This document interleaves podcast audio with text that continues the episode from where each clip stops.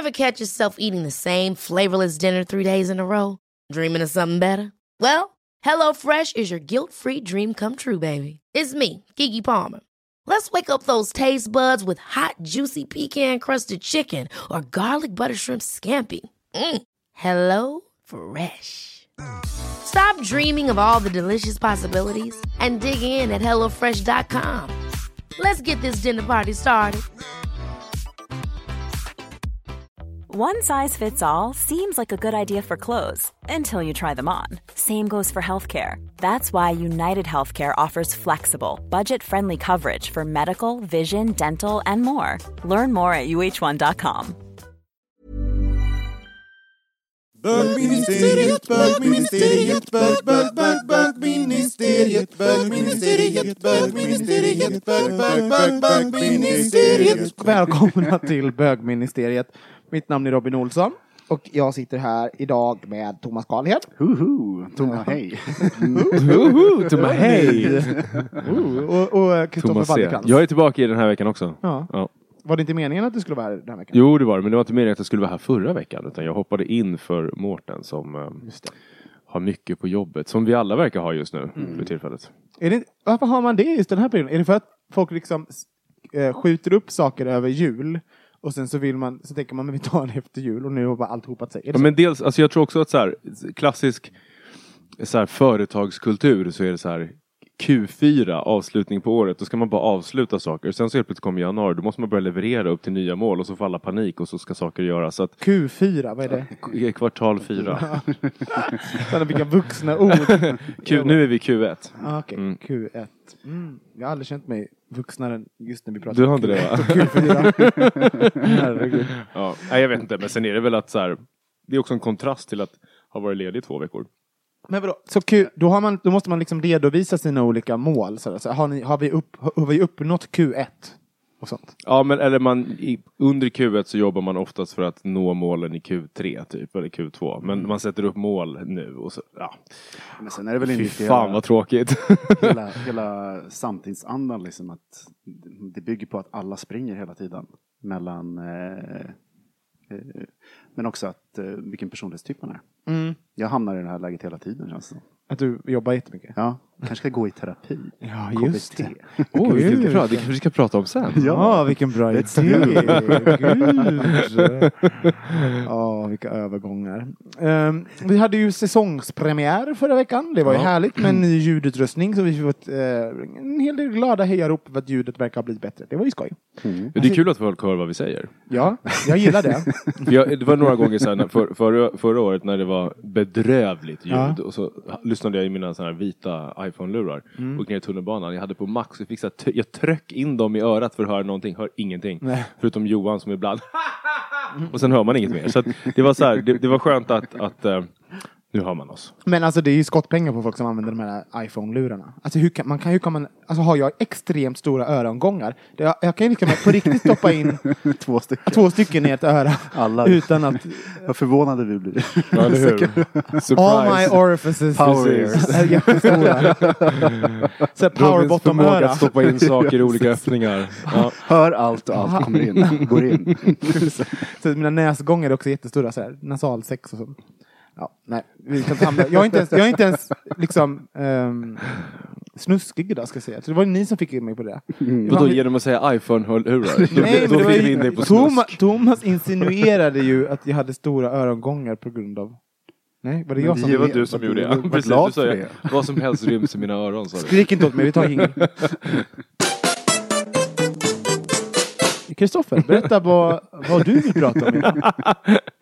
Nej men jag tänkte på det eh, som... Eh, men ska jag ta en, ettan eller tvåan då? Vad tycker ni? Jag bara, jag, jag, du brukar väl gilla att ta den i tvåan? Ha! Serve smash! Där satt den. Serve smash. Nej men det som Thomas insinuerade var väl en fin? Det som Thomas eh, inseminerade var ju det här med att man eh, personlighetstyp. Och att man kanske skulle gå i KBT. Jag tänkte, alltså så här, jag tänkte att vi skulle prata om, om eh, behovet av att gå till en psykolog. Ja. Och där Helt du. apropå. Helt Helt apropå. den här galna personen sitter och skrattar där bredvid. Exakt. Kan ju bara tänkas behöva. Han är lite, lite nervöst sitter Han och bara, fnittrar. vad menar du? Vad, vad tycker du? Nej men så här är det. Jag, jag tänker att, att ehm, vi pratar hela tiden om att eller vi pratar hela tiden, men folk pratar Jämt, ganska jämt hela mycket om att så här, gå och träna och skaffa PT och hela den biten. Ja. Eh, och jag har gått i terapi i flera år. Thank God. Ja, faktiskt. Gör det fortfarande? Nej, nu gör jag inte det. Ehm, jag gjorde det. men, men jag gjorde det och... Förlåt. Jag är så trött. ja.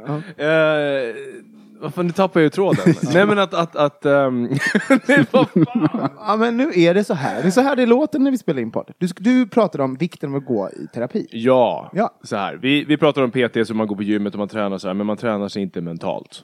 Och det tycker jag är att fler borde göra. Tack och lov så har ju liksom det här stigmat med att ha en, en terapeut liksom för, förbytts till någon typ av så här statussymbol nu. Att så här, jag ska prata med min terapeut om det. Men att ändå så här, jag tror att fler skulle må bättre av att gå oftare. Men i USA, så, om man tittar på film, så verkar ju alla i amerikanska filmer verkar ha en jurist och en terapeut. Det är, liksom, det, är det man har. Alltså om man inte har det, då Call kan my man... lawyer, den skulle jag vilja säga någon gång. Ja, bara- man kan inte överleva utan en jurist och en terapeut. Liksom, det är de två. Så här. Det är viktigare än healthcare. Man är Ja, ja. jurist och terapeut. Ja, ja. Det är liksom före så här, de dör i den värsta sjukdomen, men de har en terapeut som Mm. måste ligga på soffan. Eh, va- Varför, varför tror ni att, att vi inte har nått dit?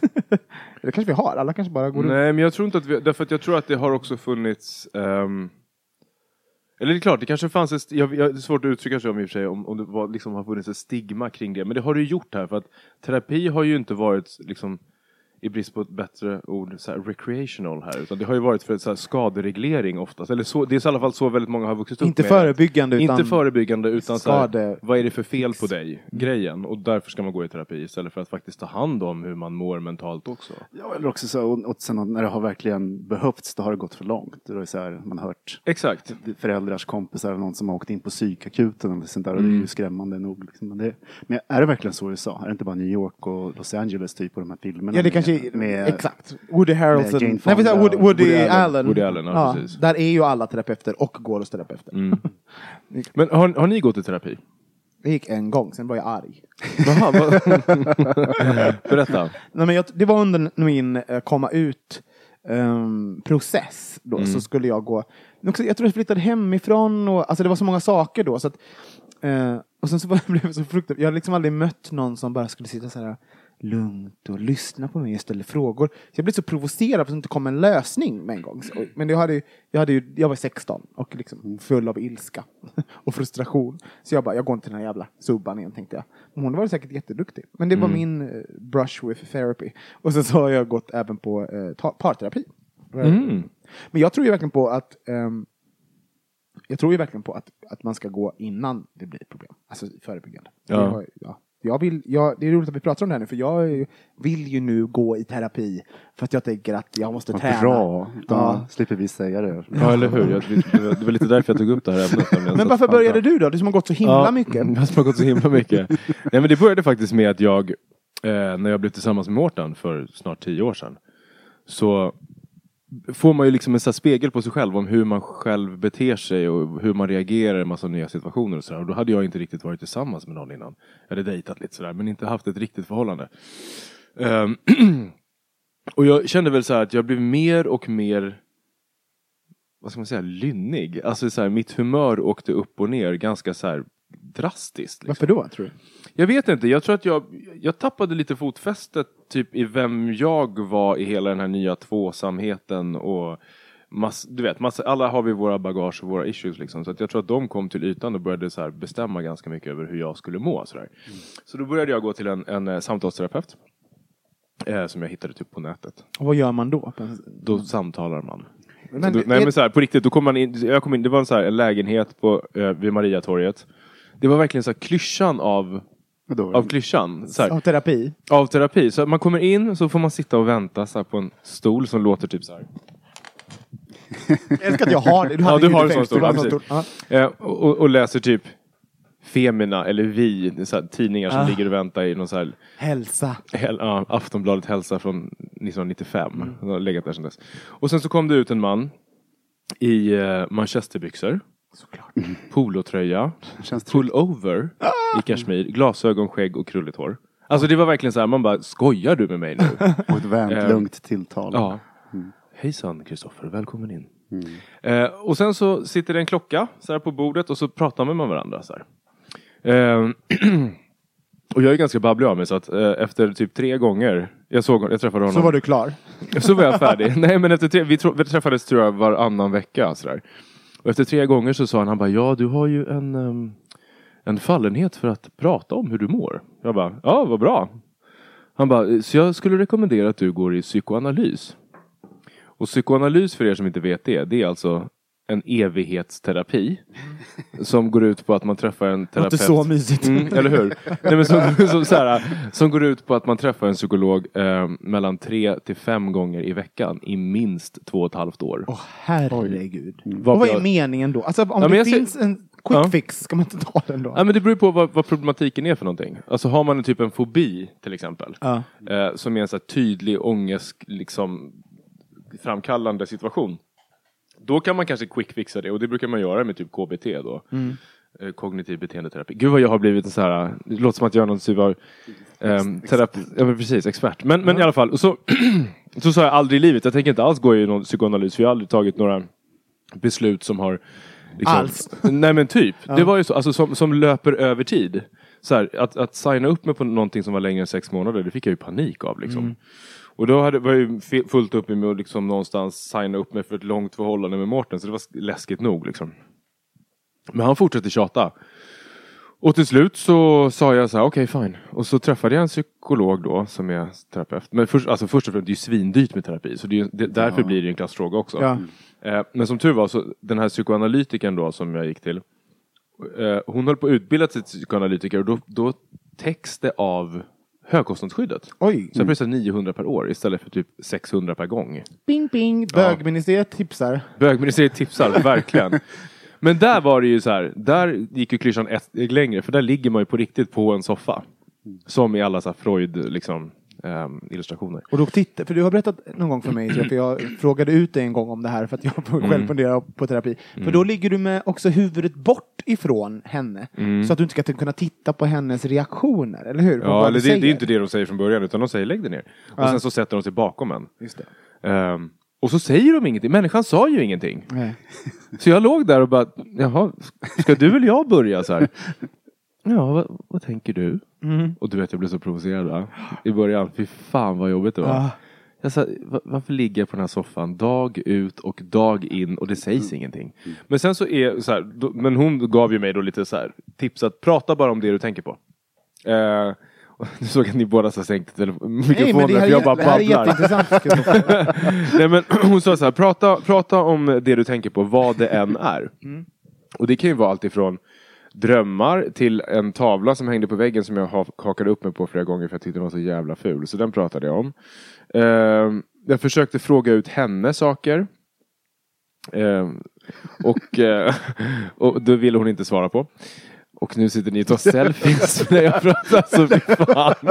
Jävla häxa. Nej, Eh, jag har ju hört den här historien. Ja, ja, men då så. Ja, nej, men skitsamma, ni behöver inte höra den här historien. Vad jag, vad jag vill komma fram till är... Jo, nej, men vänta, du nej. måste berätta. Du måste Va? berätta ehm, det här som, som var så himla intressant. Han sitter och babblar. Jo men när, de, när de, hon knöt ihop allt, för det tycker jag är så himla intressant med Ja. psykoanalysen. Okej, så pro, po, poängen med psykoanalysen i alla fall, att, ursäkta håret, är, är att eh, man ska prata så mycket som möjligt, så ofta som möjligt. Så att hon som lyssnar då, hennes jobb är ju inte att komma med tips, som du pratade om i början. Utan det handlar ju väldigt mycket om att så här, typ kartlägga mitt beteendemönster över liksom hela livet på något vis. Och det är därför det tar så lång tid. Jag höll på, jag gick fyra gånger i veckan i tre år.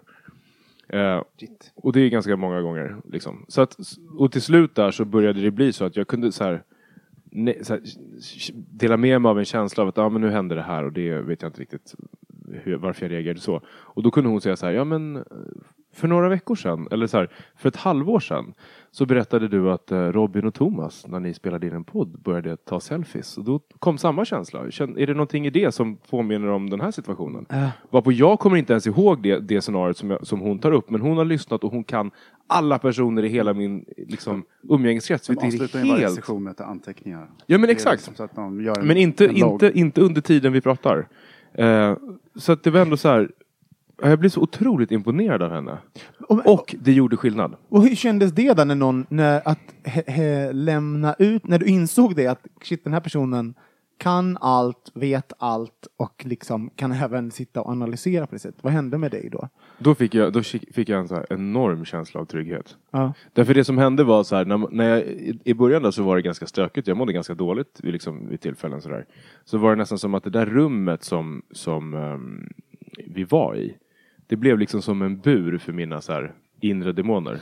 Och eftersom att jag kom tillbaks varje dag så var det som att jag, så här, jag parkerade dem där inne. Så när jag kom ut därifrån så kände jag mig liksom 10 kilo lättare i sinnet och bara så här, Ah, Och det var samma tid som jag dessutom gick på Bergs och utbildade mig. Så det var, jag tror att det var jättebra för min hjärna att liksom få pausa de där grejerna. För jag kom tillbaka till dem imorgon och imorgon och imorgon. Så att på så sätt så liksom kvävde jag dem där inne ganska mycket. Och det, det hjälpte verkligen. Att, men det tror jag är så viktigt om man ska göra den här terapigrejen. Att man hittar någon som man litar på. För det är jätteviktigt. Man kan inte bara börja öppna upp sig till vem som helst. Men där är du inne på något. För jag, jag tror att en av grejerna till att jag var lite, det här var ganska länge sedan som jag var den där, jag var faktiskt bara inte en gång, jag kanske var på typ tre gånger hos den kvinnan. Eh, jag, för, för entertainment så var det en gång när jag berättade nu. Men nej, jag var där några gånger i alla fall. Men jag kände mig aldrig riktigt trygg med att hon förstod vad, vad det var bögar gjorde. Det här var ju liksom 96 eller någonting. Så, så jag, jag kände att jag hela tiden så här, vågade inte riktigt berätta så här, hur man knulla eller med vem eller var eller så här, hur, hur liksom, romantiska kontakter eh, liksom, togs. Eller, alltså, jag, jag undanhöll en stor bit. Ehm, så det tyckte jag bara, och då, jag kände mig inte trygg med, med den biten. Men det, det känns ju som att det har hänt jättemycket idag. För om man kollar runt på så olika eh, eh, kliniker och sånt så står det ju om folk är HBT-certifierade och så liknande. Vi har kompetens inom det här, så det är bra. Har du gått? Ja, men det låter som det var ganska mycket skam som var ute och gick där. Ja men gud, sex, alltså, men, vad gud alltså 16 var ju allt som var. Skam var ju, jag var ju helt full av skam. Liksom. Ja. Ja, men jag har gått, jag har gått eh, två omgångar. En gång psykodynamisk, det det är samtalsterapi, klassisk. Och den andra gången var KBT. Och det var helt fel. Eh, jag skulle ha gått psykodynamisk nog också, men det, det tog ett år innan jag eh, kom på det. Eh, men det var, jag pluggade i Uppsala, eh, var, hade pluggat i Frankrike i något år och i Frankrike hade jag liksom börjat komma ut. Och eh, jag, för mig, jag hade en ganska jobbig komma ut-process med självförakt och skam och hela den saken. Eh, allt det där vävdes ju in. Det var inte, handlade inte bara om min sexualitet utan det handlade ja, om, om eh, en slutenhet. Jag var rätt ensam. Eh, och sen också en, en barndom med massa saker som jag liksom aldrig, aldrig eh, göttat i och sorterat i. Och, eh, min identitet, min självständighet. Eh, ja, det, bara, det, rörde, det var ju allt. Eh, men det var någon kompis som gick och som fick mig, att, eller jag provade och ringde dit. Och jag var ju skitnervös första gången jag gick dit. Men jag kommer ihåg, hon, Kristina hette hon, hon var så perfekt. Som, jag fick förtroende för henne omedelbart. Eh, och vi inledde ett samtal som pågick under ett, ett, eh, många år. Vad, vad var det som gjorde att du, att du fick förtroende tror du? Ja, men hon, jag, jag såg att hon förstod att inte hon hade, men hon hade liksom hört allt. Och hon såg mig som en, som, som en individ. Och Jag var kanske inte, när jag, när jag sa det här hemska om mig och olika saker så, ja, jag fick förtroende för henne. Det, liksom, det, bara, det låg i luften. Jag kommer ihåg första gången jag kom ut från eh, första sessionen. Då brast jag i gråt och var så ledsen eh, i flera, flera dagar. Det var som en sån här varböld som bara sprack. Ja, den sprack och det var liksom första steget. Och sen fortsatte vi, eh, jag där. Och det var bland en av de mest dynamiska perioderna i mitt liv. Eh, frigörelse, upptäcka sig själv. Jag drömde sådana fantastiska drömmar varenda natt. En, en sån dröm var att jag var ute och flög. Alltså jag kunde flyga. Så jag flög över, ja, över stan och jag kunde kontrollera när som helst när jag kunde lyfta. Och det är ju en ganska talande dröm. Eh, att bli frigjord och eh, hela den biten. Men även massa andra drömmar som hade med min sexualitet att göra. Och, Berätta. Berätta hellre om dem. nej, men jag, jag, jag, jag, jag kan berätta en, Exakt vad du en. Jag menar, förutom att det, det var, allting var otroligt symboliskt, livets älv med, med eh, och sådär. Att det fanns alltid en symbolik i det där som jag lärde mig tolka själv. Så jag förstår, det, man lär sig efter ett tag att, att, eh, att tolka vad man vill säga till sig själv. Men en sån dröm var ju eftersom jag hade en undertryckt sexualitet. Jag tog ju otroligt långt för mig att ha sex med en annan kille. Eh, det var att jag kunde, jag kunde drömma om att jag satt, du vet handikappplatsen på, på, på bussen Ja. längst fram bredvid chauffören. Där satt jag och tokrunkade helt okontrollerat och skämdes jättemycket. I drömmen eller på Ja. riktigt? ja. Nej, alltså i drömmen. Jag kunde inte sluta onanera liksom. Eh, Och, och folk kom och jag skämdes, jag skämdes så mycket. Alltså det är så Men du roligt. fortsatte runka? Ja, Handikappplatsen också. Ja. Faktiskt. Ja, men också, sen en, en, en liknande dröm med det var att jag kunde klippa av min kuk. Mhm. Så jag jag kl- klippte av den, så hade jag eh, kuken i fickan. Eh, för att, men för, pratar man med folk då, men Thomas han är, han är rätt asexuell. Liksom. Han har inte, för att jag Mm. agerade inte förrän, eh, på killar för länge och sen var det en period där jag inte var med tjejer heller. Så det, men det roliga med den där kuken i fickan, det var att jag kunde stoppa på den igen när jag ville. Så, men det funkar, jag bara, åh vad skönt, den gick på igen. Det låter ju men- jättepraktiskt på riktigt. Vi Ja. borde, på något sätt lösa det där. Så vi på riktigt kan använda sig av det. När skulle du använda det? Nej men jag bara tänker att ibland så önskar som man bara kanske kuken styr en lite mycket sådär. Man, man bara, kan vara skönt att bara plocka av den. Så liksom. Jag var kärnlös. Ja, man bara, åh vad hyllan. skönt. Du kan Mm. liksom fokusera på något annat. Mm. Men det där är intressant för att just jag kommer också ihåg att jag drömde väldigt mycket mer så här, som man kommer ihåg Ja. Eh, under, alltså under terapiperioden. Jag kan sakna det lite. Och det Jag vet att du älskar att prata om drömmar Robin, förlåt men det hör till. Men bara för att knyta ihop historien så sa jag var flyttade från Uppsala till Stockholm då och då började liksom hela den, det kapitlet. Eh, och då kommer jag ihåg att hon sa att det hade kanske gått tre år. Att hon sa att "Mm, Thomas jag tror att det skulle vore bra om du gick ett år till. Men jag orkade liksom inte åka till Uppsala och sådana saker. Men jag har tänkt på det efteråt. Att jag borde ha gått ett år till. Och jag borde, jag hade tjänat in massa misstag som jag gjorde under de närmsta 10-15 åren som kom därefter. Eh, Men, jag var inte riktigt färdig. Så- men man lär ju sig av misstag också. Ja, absolut. Det är ingen fara på det. Men det, är, men det är just det här med liksom att eh, när man är mitt inne i det där göttandet och man jobbar med sig själv och sådär, att man, man för det till så långt man kan komma. Det är, läsk, det är en läskig tanke tycker jag. Jag, alltså jag. Jag är väldigt fascinerad av eh, just terapi och så, men det är också extremt läskigt att tänka på. Att sitta, att spendera så, så mycket tid med sig själv. Alltså, jag, jag är ju någon som älskar eskapism i det mesta jag gör. Liksom. Jag vill, gillar att fly livet vi har här på jorden på olika sätt. Liksom. Om det är böcker eller om det är film eller tv-serier. Och på något sätt så tror jag att ehm, just det här med terapi, jag tror att jag inte har gjort, gjort det är att jag, jag vill inte riktigt. Jag, tycker, jag, är jättelä- jag är jätterädd för vad jag ska komma på.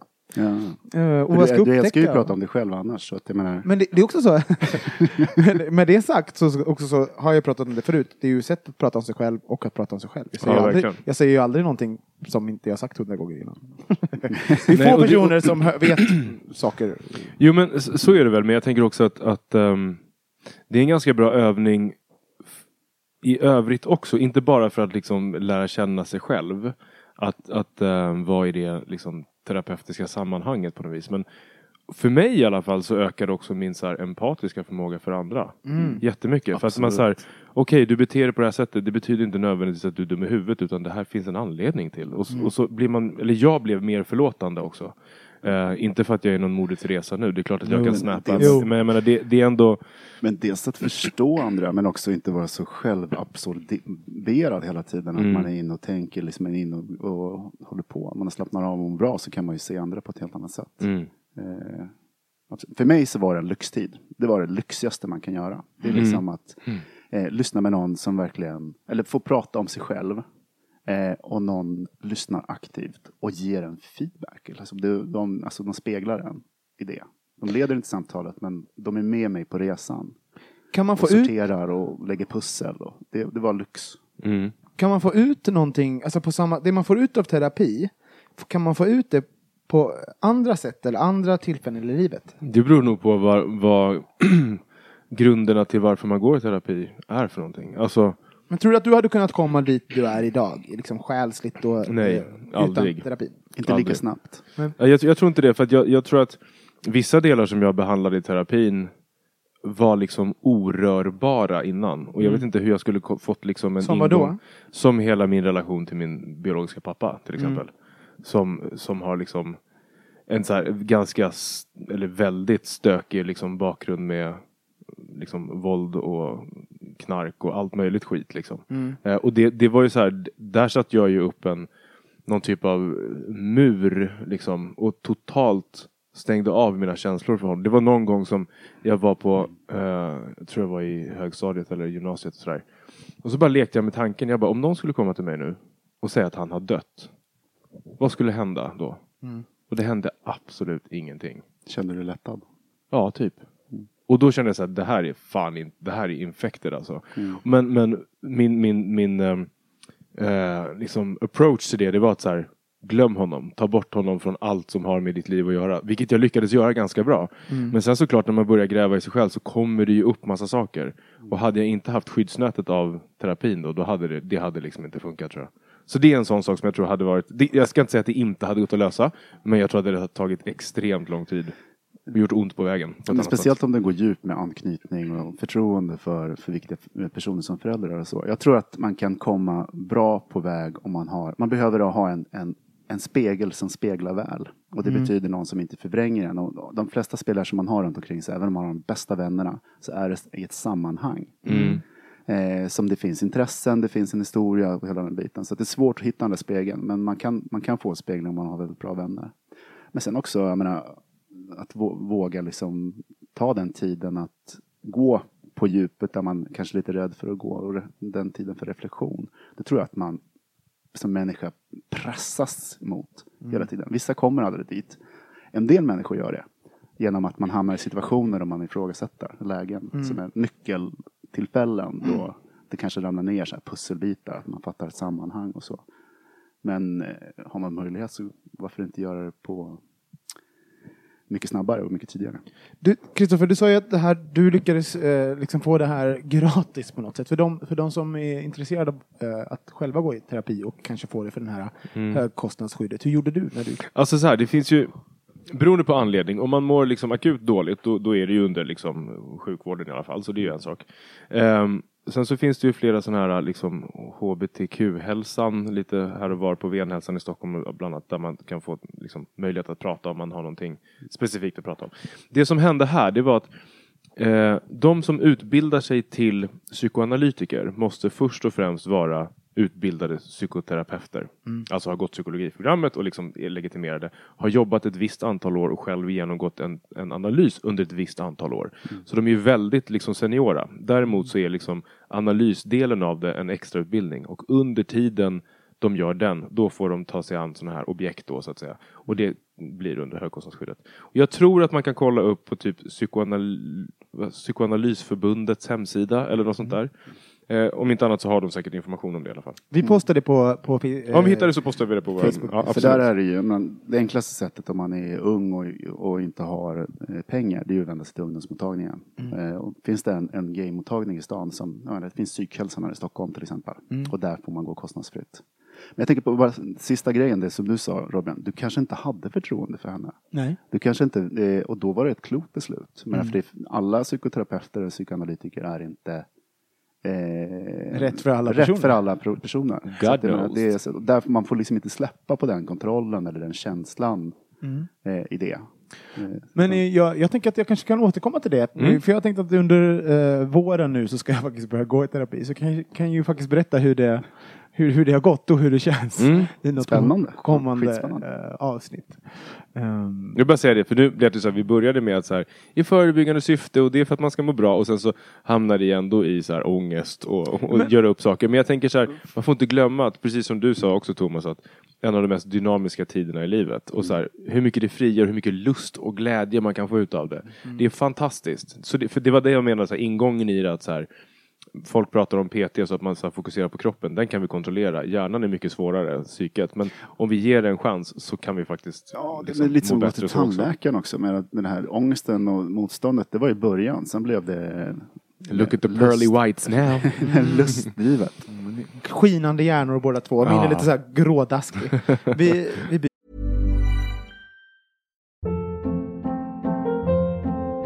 Hold up. What was that? Boring. No flavor. That was as bad as those leftovers you ate all week. Kiki Palmer here, and it's time to say hello to something fresh and guilt-free. Hello Fresh. Jazz up dinner with pecan-crusted chicken or garlic butter shrimp scampi. Now that's music to my mouth. Hello Fresh. Let's get this dinner party started. Discover all the delicious possibilities at hellofresh.com.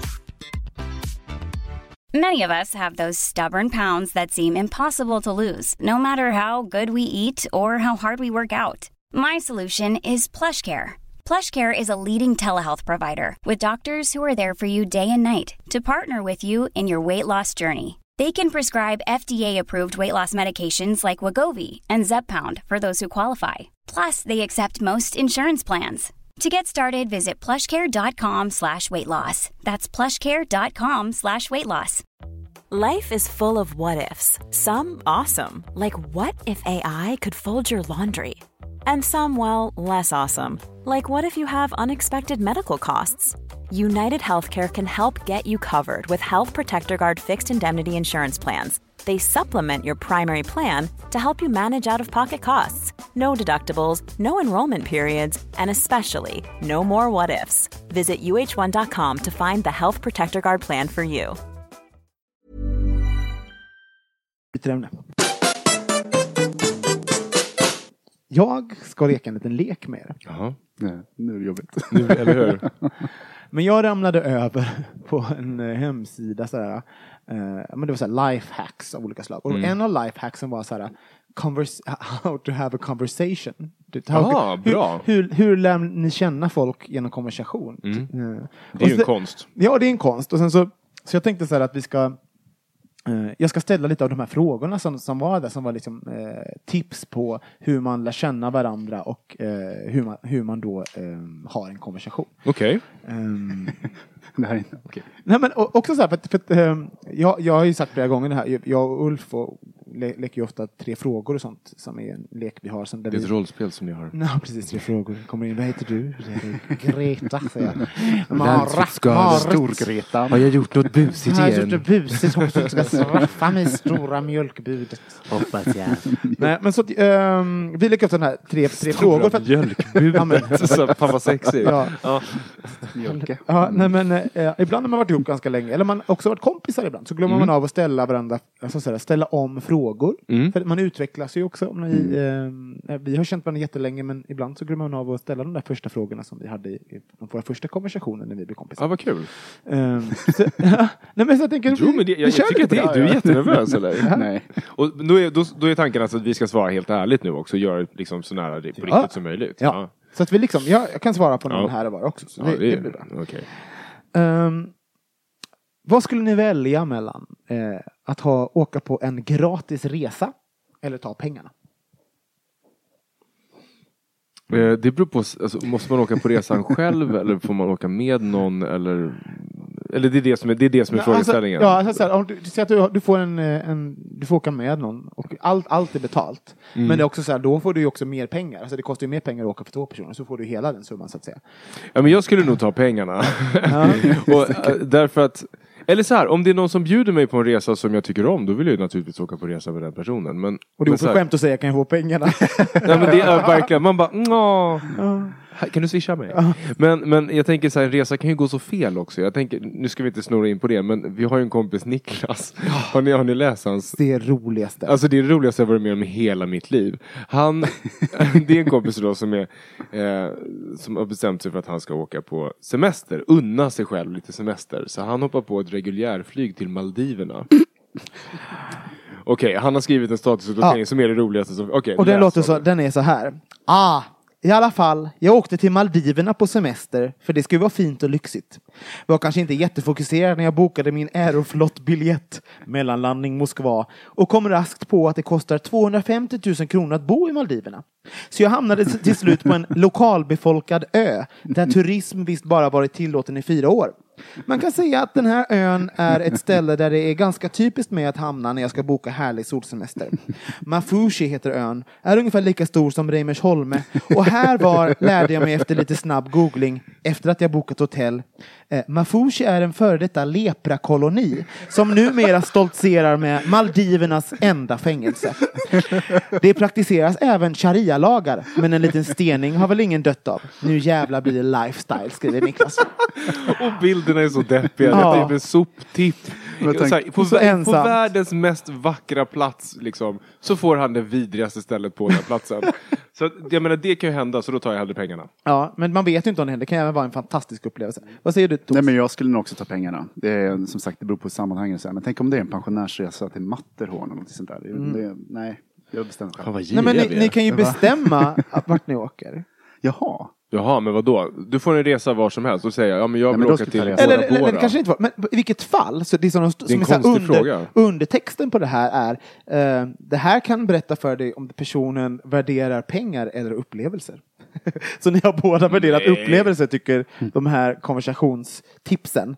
Eh, Nej, att vi värderar pengar. Men Ja. jag tänker att för de pengarna kan jag Över skapa med upplevelser. andra, andra upplevelser. Som man får styra själv vad man får för upplevelser. jag vet ju den här undertexten, så jag hade verkligen valt upplevelsen.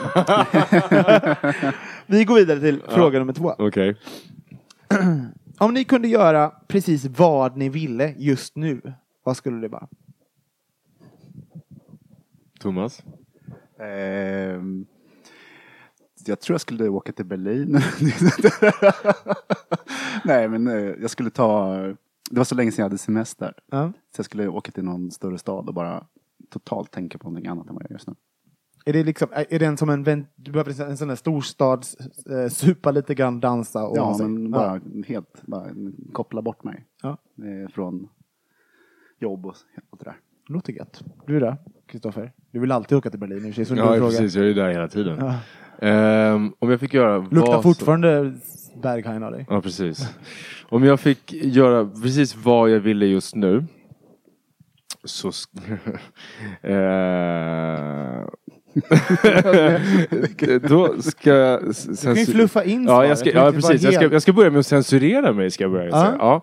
Och så skulle jag säga att ehm, då skulle jag vilja spola fram eh, till i sommar när jag får åka och hälsa på min syster på St. Barts igen. Mm. Var det det du skrattade åt? alltså? Nej, det var någonting annat som jag tänkte på. Jag hade nog um, velat typ åka ut, alltså, vi har ju haft några gånger några sådana här ehm, typ hel- långhelger ute på typ i Dalarna eller i någon sån här Mm. härlig stuga någonstans. Det känner jag att jag hade behövt just nu. Mm. Ja, men det skulle också. Det är här roligt att det är det vi mig. väljer, inte så här om du fick göra vad du ville just nu. Mm. Så bara så här, eh, kunna flyga. Ja. Nej, åka till Varför är det så? Vad betyder det? Är vi ba- Det är alltså, att vi är vi- realister tror jag. Har vi, har vi slutat drömma? Vi har slutat drömma. Gud vad, vad deppigt. deppigt. det blev. Titta så blir det man när man har gått psykoanalys. Jävla realister. Ja. Men du vill åka till en stuga. Ja men det var ju, ja. Nej men okej, om, vi, om vi får tänka lite större där. Nej, men, alltså då hade jag, om jag fick göra, om jag fick göra precis vad jag ville. Mm. Ehm, men gud, då hade jag nog kanske, nej jag fick, åh gud vad, det är för stort. Jag vågar inte. Jag vågar inte, jag vågar inte drömma. Varför då? Varför, varför vågar du inte? Nej men för, det är så här, för det finns liksom konsekvenser när, när drömmen blir för stor. Så att om man skulle så här, backa, eh, backa bandet tio år, eller backa tills jag var 20, vilket jag tror så inte på det. Alltså men så här, eh, för att testa någonting annat, då skulle det innebära massa saker. Skulle jag kanske inte sitta här med er, jag skulle inte ha en fantastisk pojkvän. Så liksom, och då kommer realism, realisten upp i mig. Ja, men Okej, men så här. Om man fick välja vad man ville. Om man fick välja vad man ville. Då skulle man ju vilja umgås med de människor som man älskar mest. Mm. Det låter ju så jävla klyschigt men det är faktiskt precis vad jag vill just nu. Amen. Mm. En ytlig sak är att jag hoppas RuPaul's Drag Race skulle börja nu. Ja. Boom, så kunde bara, äh, och alla, alla avsnitt. Men det absolut bästa det är att kolla på RuPaul's Drag Race med någon som man älskar. Ja, Alltså, kul! hallå! Hoppas att äh, säsongen är bättre. Eh, Alltså promon såg ju inte så jättekul ut. Ja, fast Fem- Bob the Drag Queen var ju väldigt kul. Har ni sett det? De har ju presenterat Jo, alla jag vet. de, de är som i en så här 50-tals liksom klipp, vad heter det? De har fått Saloon. mer, mer budget i år kan man säga. Ja, verkligen. Här kommer lite som en spin-off på det som vi precis pratade om. Men om pengar inte var något Ja. eh, problem, vad skulle ni göra hela dagarna? Hela dagarna? Ja, hela dagarna. Vad skulle ni göra då? Men det här, har jag, det här har jag tänkt ganska mycket på. Var det inte du som skulle ge snäckarmband? Jo, men det är Jo, just det! Det, det är backup-planen. Just det, just det. Bali gör snäcket. Ja, skitsamma. Eh, nej men jag skulle, gud, jag skulle gå och träna. Jag skulle ta en skrivarkurs och bli författare. Ja. eh, ta lite styrelseuppdrag i sådana här fina saker. Eh, styra min tid. Jobba på, ett, på mitt eget sätt. Mm. För- Med saker som jag tycker är väldigt eh, intressanta. Och inte vara så upplåst Mm. varje dag med Men det är ju drömmen. Vad skulle du egentligen göra? Eller hur? jag Jag, skulle- tror att man... Ja, men jag, jag menar så här, jag, jag tolkar det som att under längre tid.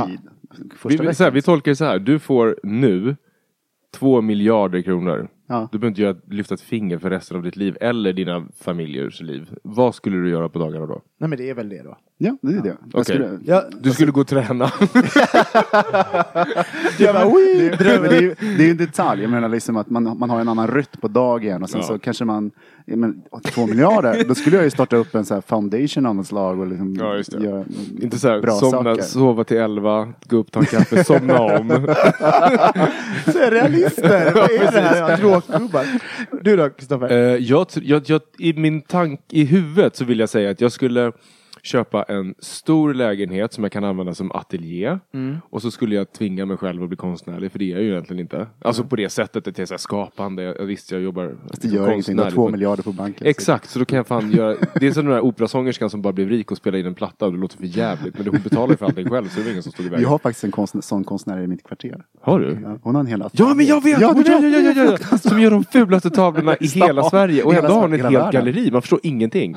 Hon kan inte sälja en... Ah, skitsamma. Eh, och sen så skulle jag nog kanske ehm, ja men lite som du, så här, styra min tid och liksom jobba med bara det som jag tycker är meningsfullt.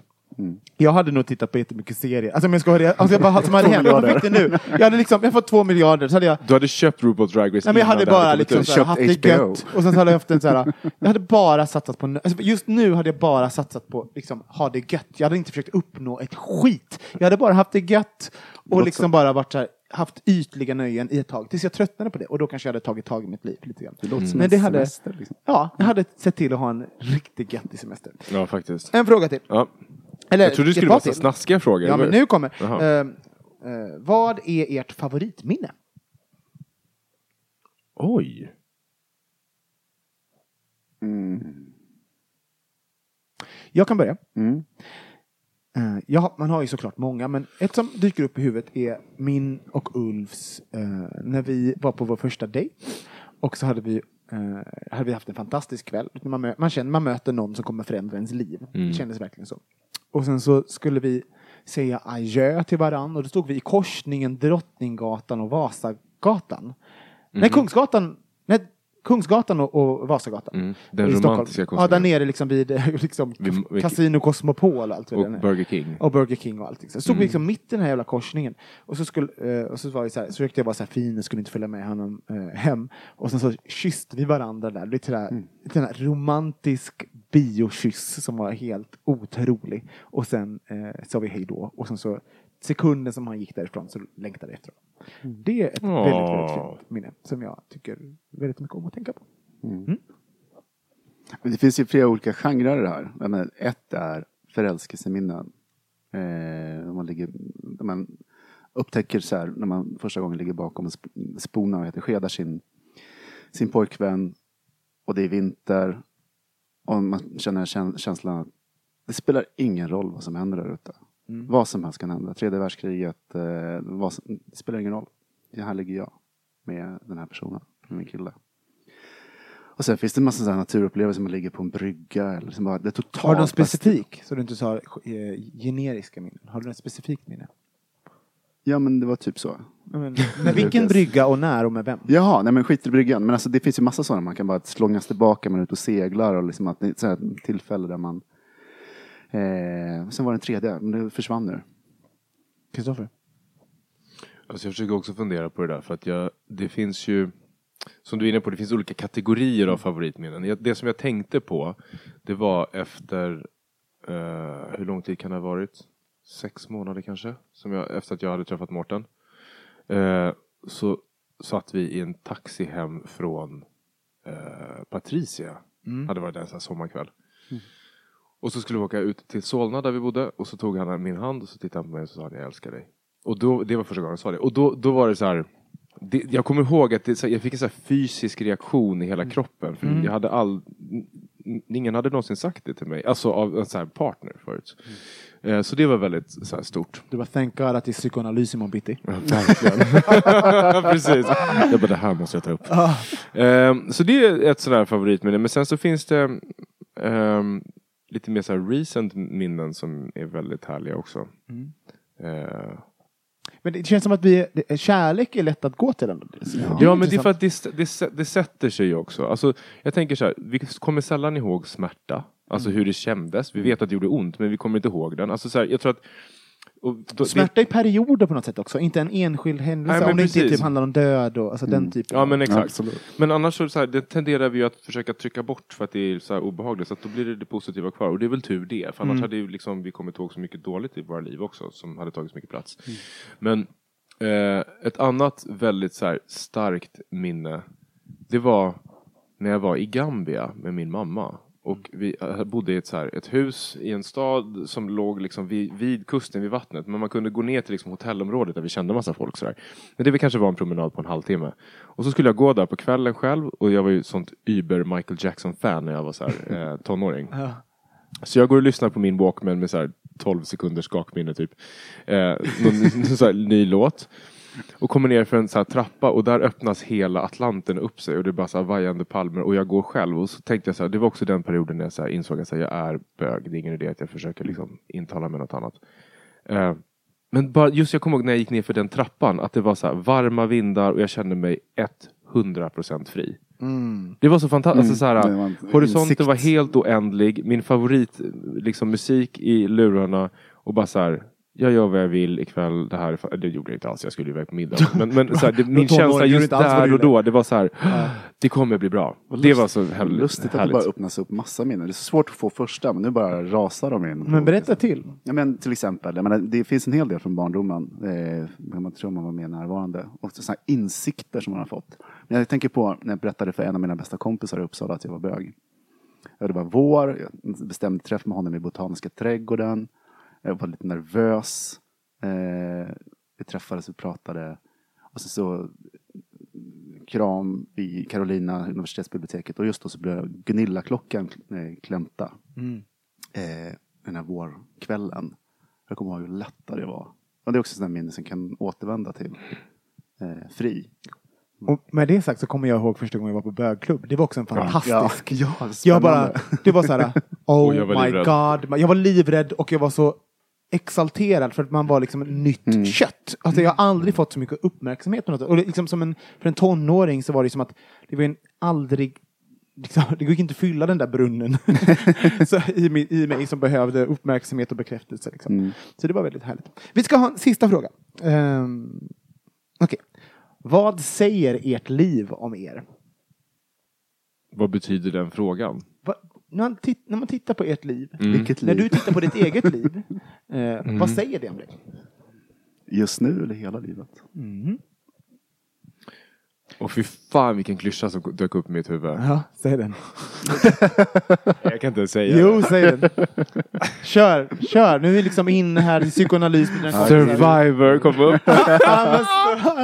Nej men så här. ehm, om, om, nu när vi ändå är inne på delar av våra personliga grejer så här, så. ehm, jag har ju haft en så här tudelad uppväxt väldigt mycket. En jättebra med min mamma. Och en jättedålig med min pappa. Eh, och som har blivit som två parallella liv. Liksom.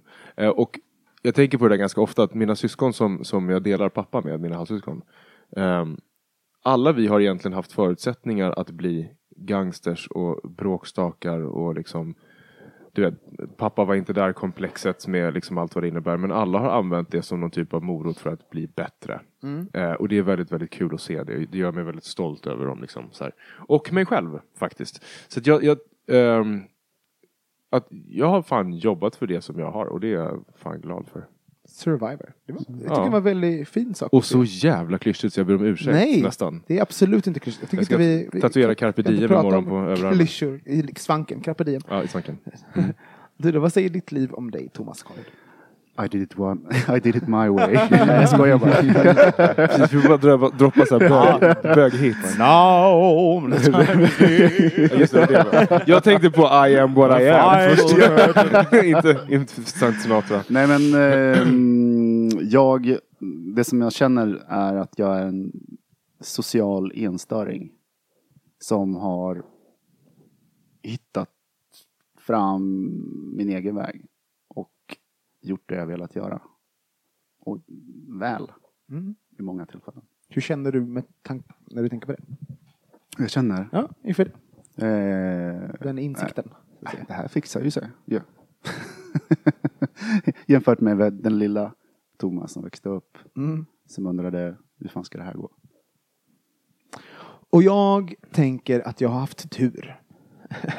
alltså sådär, eh, på så många olika sätt. Alltså sådär, jag, kan, jag har haft tur som är född där jag är, med den mamman jag har. Alltså sådär, jag kan titta, också lite likt som dig Kristoffer, kunde det gått lite åt eh, många, många håll. Och jag tror att på en, en del är på grund av mig själv, men jag tror även att jag har haft ett eh, men ett nät runt omkring mig som, som ehm, på olika sätt har liksom stöttat mig och gjort mig till den jag är. Så jag känner mig extremt eh, lyckosam. Tacksam och lyckosam. Jag har tur. Eh, ja, så det känner jag. Det var väl, vad tyckte ni om den här lilla conversation pisen? Nu får vi... Jo men den var bra, men den är ju svår att svara på. Alltså Ja. precis som du säger, så här, vad är ditt bästa minne? Man bara, eh, Men när man väl så här, kommer igång och det blir ett samtal så är det ju bra ingångar till att lära känna varandra bättre. Mm. Men det är ju verkligen ett tips faktiskt till er där hemma om, om så här, att ställa om frågor till kompisar. För ibland blir man så här, alltså det, det har, vi ju gjort några gånger också, lekt så här, lite lekar och sånt och ställer frågor och sånt när vi är lite eh, fulla på eh, Som efterfester och sånt. linne eller t-shirt. Nej, utan sådär. Och det är, ju, det är ju på riktigt så kul att höra ens kompisar berätta om drömmar och rädslor och liksom sånt där. Så ett eh, tips till det, gör det En med era sån kompisar. aktiv reflektions... Mm. Och man vill ju fan, jag utveckla. skäms att jag sa med Survivor. Nej! Det är så jävla Nej men sluta nu. Du är en Vi ska så göra en. GIF med dig på Ja, vår Insta. Survivor. Ja, så bra. Och så kan man säga, om ni vill veta varför Kristoffer är en Survivor, gå in och lyssna på veckans avsnitt. Hörni, vi, vi tar ett ämne till. Eh, när jag tänkte på det här, det slog mig, jag såg en bild i mitt flöde, i sociala medieflöde eh, för några dagar sedan. Eh, av en kompis som är jag trodde, som är ihop med en annan kompis. Ja. Och jag trodde först att det var den, den andra personen. eh, för att de, var så, de har blivit så jävla lika. Alltså det, de till och med har ett synfel som påminner om varandra. Liksom att de, de har skelat båda två nu. Två Marty Feldmans. Ja, na, typ. Eh, fast snyggare. Eh, och sen slog mig liksom att varför är det så att... Nej, vadå, har de börjat skela likadant? Ja men alltså, det, jag, jag vet inte. Det kan inte vara möjligt. Jag vet inte. Det, alltså det, för grej, det finns undersökningar. Eh, dels att man söker, kaka söker maka, man söker lite det som, som påminner om en själv. Om man är lagd åt det hållet. Om man är narcissist. när, ja, ja, men det, det kan också vara... Det, det är precis, vi kommer dit. Okej, förlåt. Eh, att kaka söker maka i många fall, men också att det finns också undersökningar att man biologiskt faktiskt börjar likna varandra i ansiktet. Eh, Vadå när man har är jag läst någonstans. Sluta fråga. Det verkar ju väldigt konstigt. Att Nej, säga, men men vadå? vadå, benstommen börjar ju inte ändra sig. Nej, men titta, Nej, alla alltså- som har en nej, men bulldog alltså, det är- ser ut som en bulldog. Punkt. It's a fact. Okej, fair enough. Point men alltså, skitsamma om det är Ja. sant eller inte. Mm. Det är ganska intressant för att eh, man speglar sig så mycket i varandra. Sen kan det också vara attraktion. Liksom att man, är man attraherad av någon så, jag menar, det är inte bara klädsel och hårstil som det är ju man ändrar. maner och sätt man pratar och Maner, rör ja, sig. Precis, Ja, absolut. musklerna kanske till och med påverkas. Liksom, att man, man, man har samma, man börjar prata likadant. Samma spända ansikte.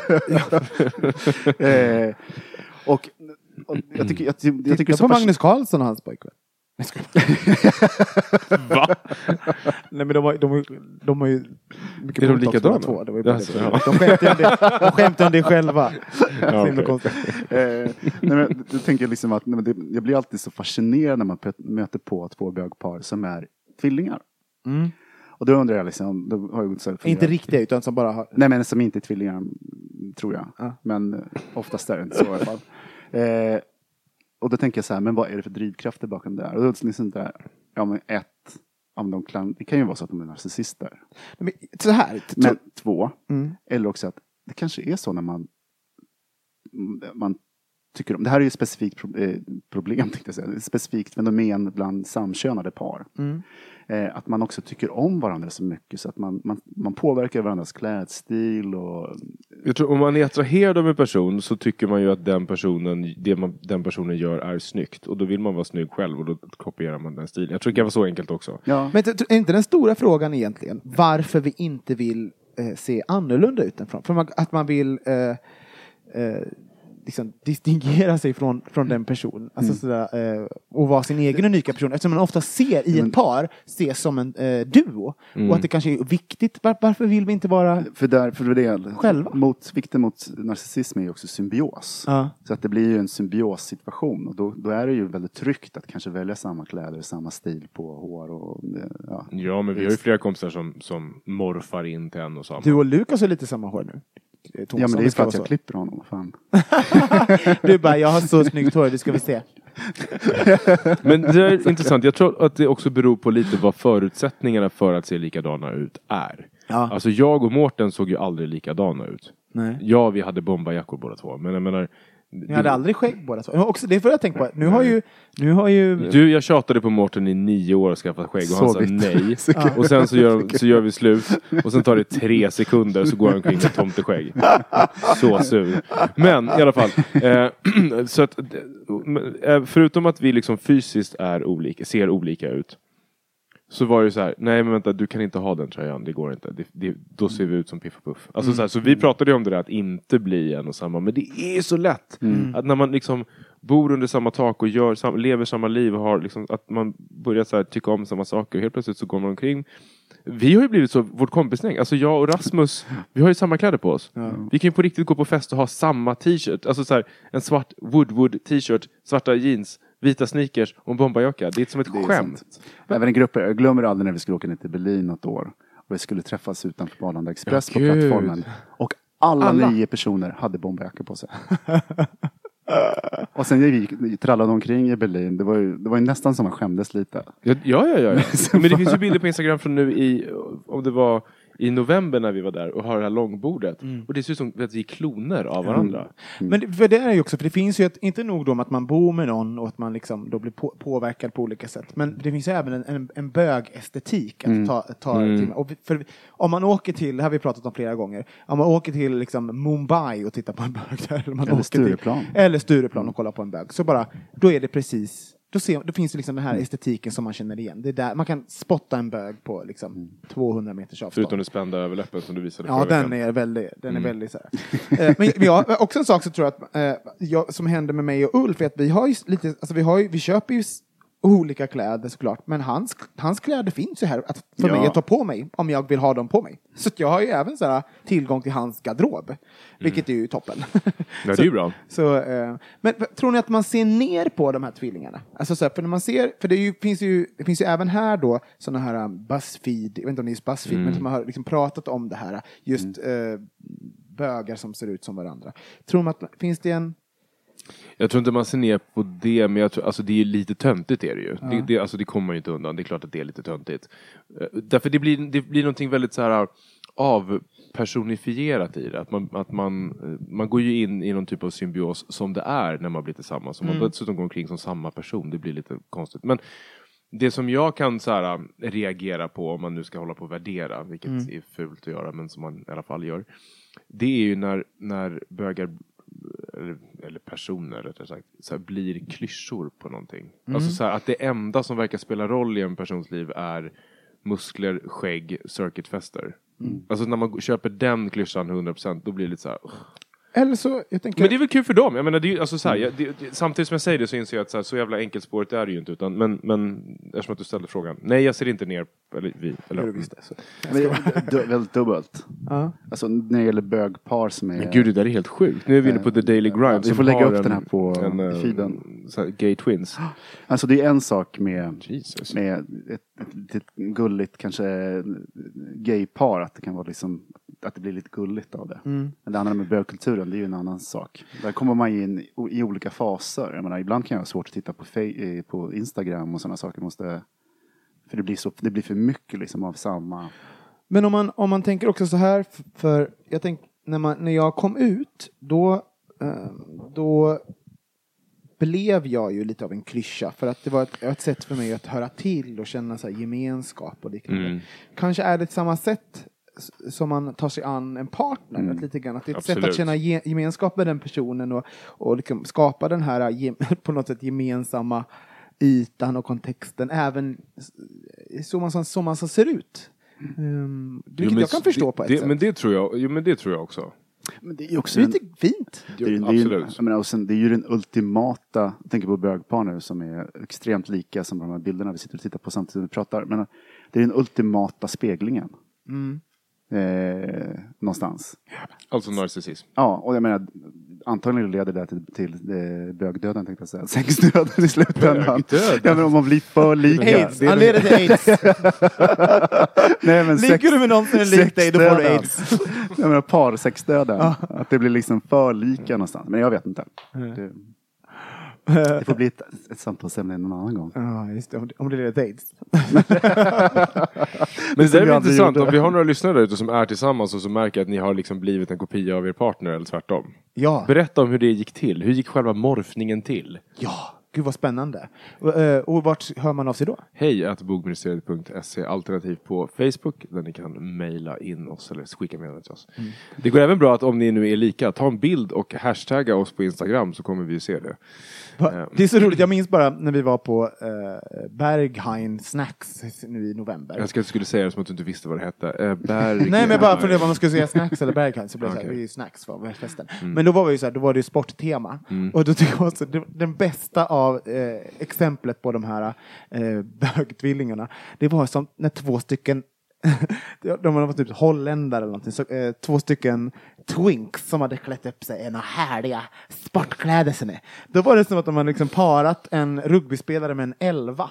Och så alltså, de såg ut som el alver med så här stora hår och de gick liksom, struttade fram. Och de, jag älskade dem så himla mycket för att de liksom gick emot hela det här skägg. Macho. Ö. De var bara två fantastiska alvsporttjejer som bara, ah, bara tog för sig av allt och snacks hade att erbjuda.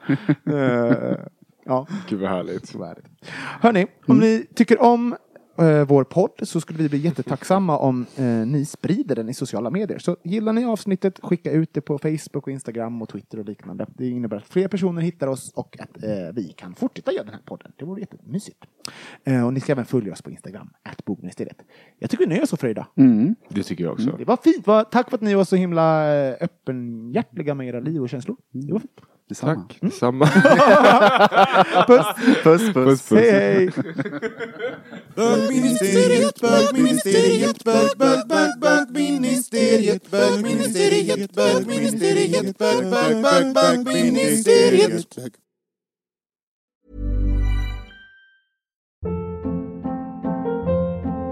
Hold up. What was that? Boring. No flavor. That was as bad as those leftovers you ate all week. Kiki Palmer here, and it's time to say hello to something fresh and guilt-free. Hello Fresh. Jazz up dinner with pecan-crusted chicken or garlic butter shrimp scampi. Now that's music to my mouth. Hello Fresh. Let's get this dinner party started. Discover all the delicious possibilities at hellofresh.com. Planning for your next trip? Elevate your travel style with Quince. Quince has all the jet setting essentials you'll want for your next getaway, like European linen, premium luggage options, buttery soft Italian leather bags, and so much more. And is all priced at 50 to 80% less than similar brands. Plus, Quince only works with factories that use safe and ethical manufacturing practices. Pack your bags with high-quality essentials you'll be wearing for vacations to come with Quince. Go to quince.com slash pack for free shipping and 365-day returns.